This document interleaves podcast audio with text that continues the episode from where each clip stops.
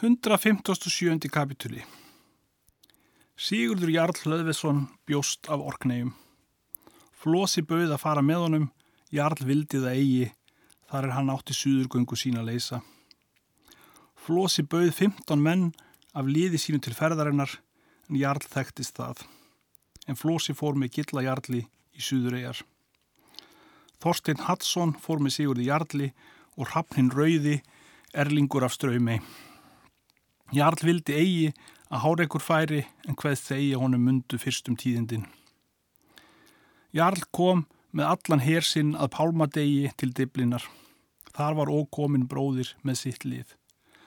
Reyndi bróðir til með fornesku hversu ganga mundi orustan en svo gekk fréttin ef á förstu daginn var í barist myndi brjátn falla og hafa sigur en ef barist var í fyrr þá myndu þeir allir falla er í móti honum væri. Þá sagði bróðir að eigi skildi fyrr berjast en förstu daginn. Fymta daginn reið maður að þeim á apalgráum hesti og hafði í hendi pálstaf. Hann talaði lengi við þau bróður og kormlöðu. Brjátn konungur var komin með allan hersinn til borgarinnar. Föstu daginn fór út herin af borginni og var fyllt liðinu hóru tveggja. Bróðir var í annan arm fylkingar en í annan siktrikur konungur Sigurdur Jarl var í miðjuliðinu. Nú er að segja frá Brjáni konungi að hann vildi eigi berjast föstudaginn og var skotið um hans gjaldborg og fylltar liðinu fyrir framann. Úlfur Ræða var í þann fylkingararm er bróðir var til bóts en í annan fylkingararm var Ósbakur og sínir Brjáns konungs þar er siktrikur var í móti en í miðri fylking var kerþjálfaður og voru fyrir honum borin merkin. Fallast þá að fylkingar, var þá orusta allhörð, gekk bróður í gegnum lið og feldi alla þá er fremstir voru en hann bytu ekki í árn. Úlfur hræða snýri þá í mótonum og lagði til hans þrísar sinnum svo fast að bróðir fjall fyrir í hvert sinn og viðsjált að hann myndi eigi á fætur komast en þegar hann gat upp staðið flýði hann undan og í skógin. Sigurður Jarl átti harðan bardaga við kerþjálfað. Kerþjálfaður gekk svo fast fram að hann feldi alla þá er fremstir voru raufan fylking Sigurðar Jarls alltaf merkinu og drap merkismannin. Fjekk Jarl þá til annan að bera merkið. Var þá enn orusta hörð. Kerþjálfaður hjóð þennan þegar bana höggi og hverna öðrum þá er í nánd voru. Sigurður Jarl bað Þorstin Hallsson bera merkið. Þorstein ætlaði upp að taka merkið, þá mælti ámundi hvíti. Þú skalt eigi bera merkið, segir hann, því allir eru drefnir þeir eru bera. Rappnin rauði, saði Jarl, ber þú merkið. Rapp svaraði, ber þú sjálfur fjanda þinn. Jarl segir, það mun vera maglegast. Allt fari saman, karl og kýll. Tók hann síðan merkið af stönginni og kom í millum klæða sinna. Littlu síðar var veginn, ámundi kvíti, þá var og jarlskotin spjóti í gegnum. Ósbakur hafði gengið um allan fylkingararmin, var hann orðin sár mjög en látið svonu brjáns báða áður. Sigtrikur konungur flýði fyrir honum. Brast þá flótti í öllu liðinu. Þorstein Hallsson namn staðar þá er aðrir flýðu og batt skóðfeng sinn. Þá spurði kerþjálfaður hví hann rinni eigi. Því, saði Þorstein, að ég tek eigi heimi í kveld þar sem ég á heima út á Íslandi. Kerþjálfaður gaf hann um grið. Hrafn rauði var eldur út á nokkra og þóttist þar sjá helvíti í niðri og þótt honum djöflar vilja draga sig til. Hann mælti þá. Runnið hefur hundur þinn, Pétur Postuli, tvísvar til Róms og myndi renna heið þriðja sinn ef þú leifðir. Þá létu djöflar hann lausan og komst hann þá yfir ána. Bróði sá nú að liði Brjáns konungs rak flottan og fátt var manna hjá skjaldborginni.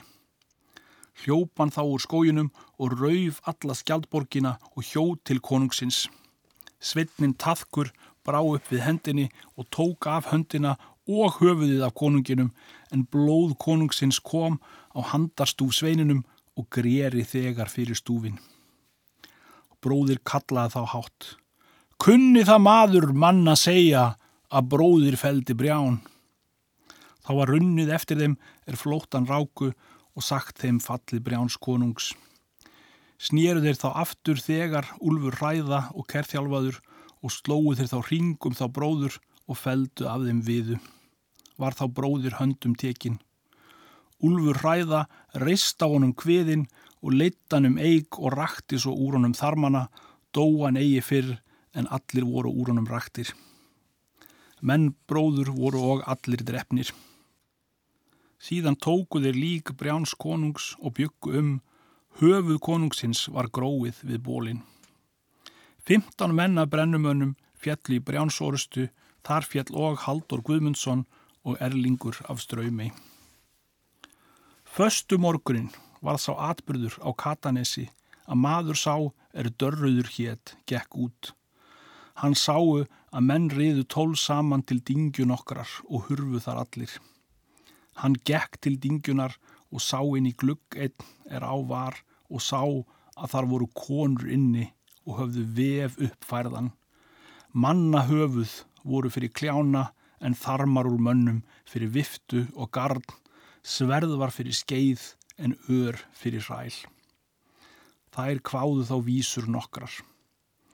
Vítt er orpið fyrir valfalli, rifsreiði skí, rygnir blóði, Nú er fyrir geirum, grár upp komin, vefur verðjóðar, er þar vinur fylla, rauðum refti, randvesbana.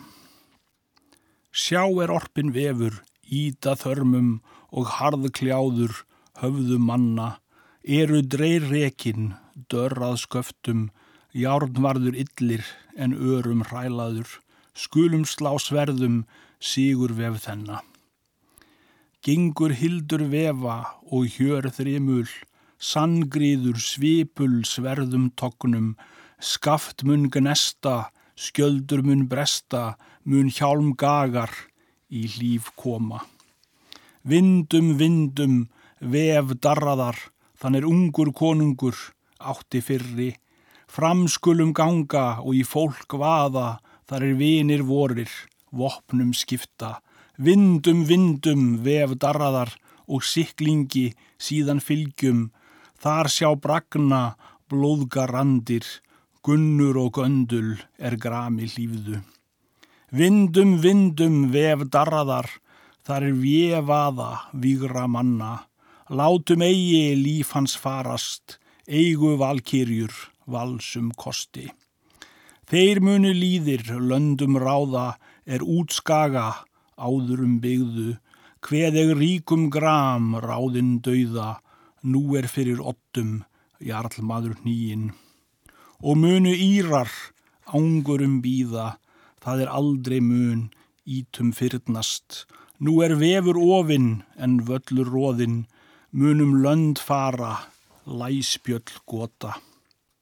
Nú er óurlegt um að litast, er dreyrug skí, dregur með himni, mun loft litað, líða blóði, er sóknvarðar, syngja kunnu. Vel hváðu vér um konung ungan, sígur hljóða fjöld, syngjum heilar, en hinn nemi er heyrir á, geir fljóða hljóð og gumum segi. Ríðum hestum, hart út berum, brúnum sverðum á braud hérðan rifu þær þá ofan vefin og í sundur og hafði hver það er hjælt á. Gekkan þá í braud frá glukkunum og heim en þær stíg á hesta sína og riðu sex í söður en aðrar sex í norður. Slíkan atburð bar fyrir Brand Gneistason í færegjum. Á Íslandi að Svínafelli kom blóð ofan á messuhökul prests förstu daginn langa og varð hann úr að fara. Að þvott á síndist prestinum á föstudaginn langa sjávar djúb hjá altarinu og sá þar í ógnir margar og var það lengi að hann mátti eigi syngja tíðinnar. Sá atbyrður varði orknegjum að Hárekur þótti sjá Sigurd Jarl og nokkra menn með honum.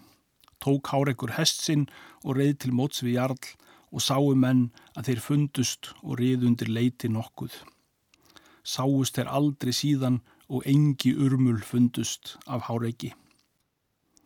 Gilla Jarl í Suðuregjum dreymdi að maður kom að honum og nefndist herfinur og hvaðst vera komin af Írlandi. Jarl þótti spyrja tíðinda, hann hvað þetta. Vareg þar er bragnar börðust, brandur gall á Írlandi.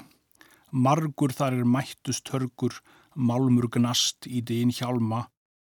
Sók þeirra frá ekk snarpa, sigurður fjell í dýn vigra, áður tíði ben blæða, brjátn fjell og hjælt velli. Þeir flósi og jarl töluðu margt um draum þennan.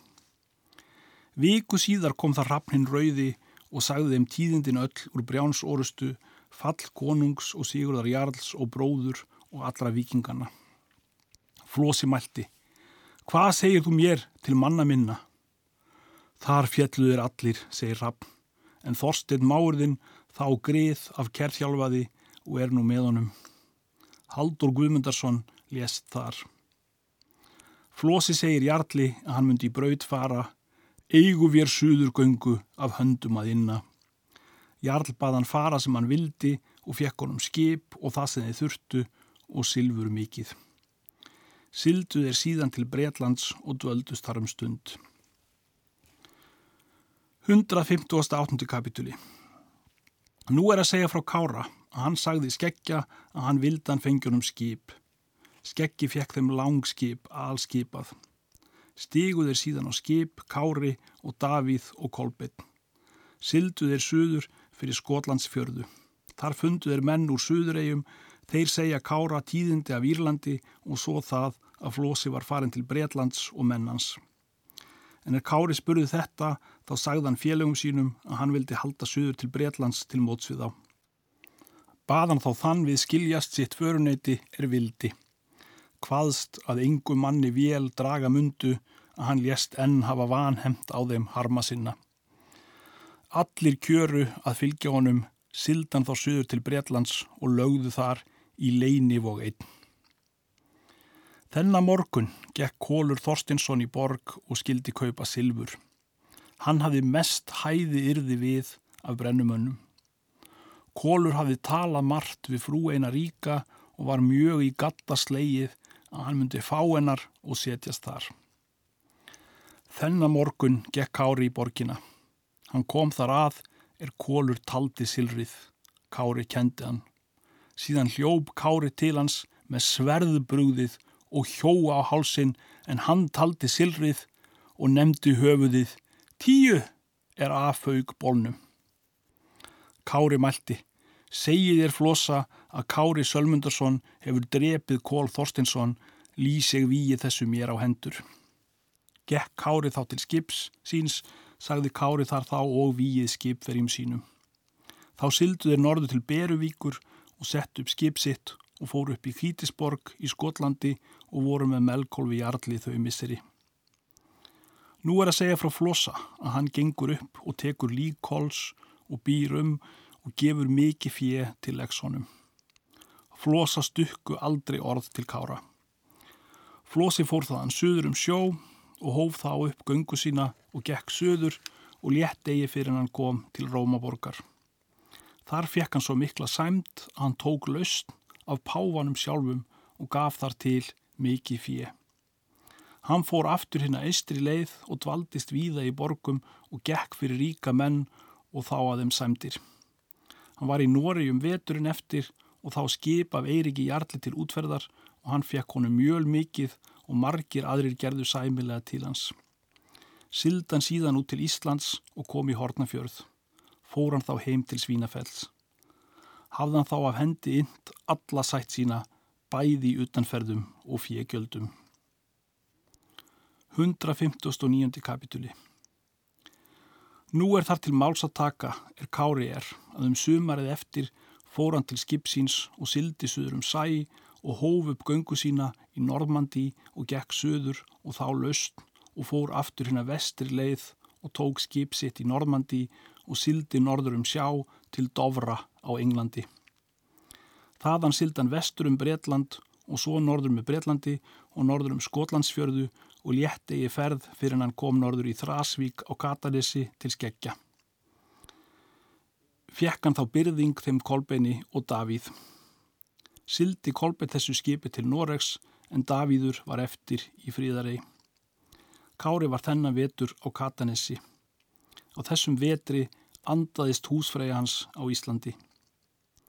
Um sumarið eftir bjóst Kári til Íslands. Skeggi fekk þeim byrðing, voru þeir átján á.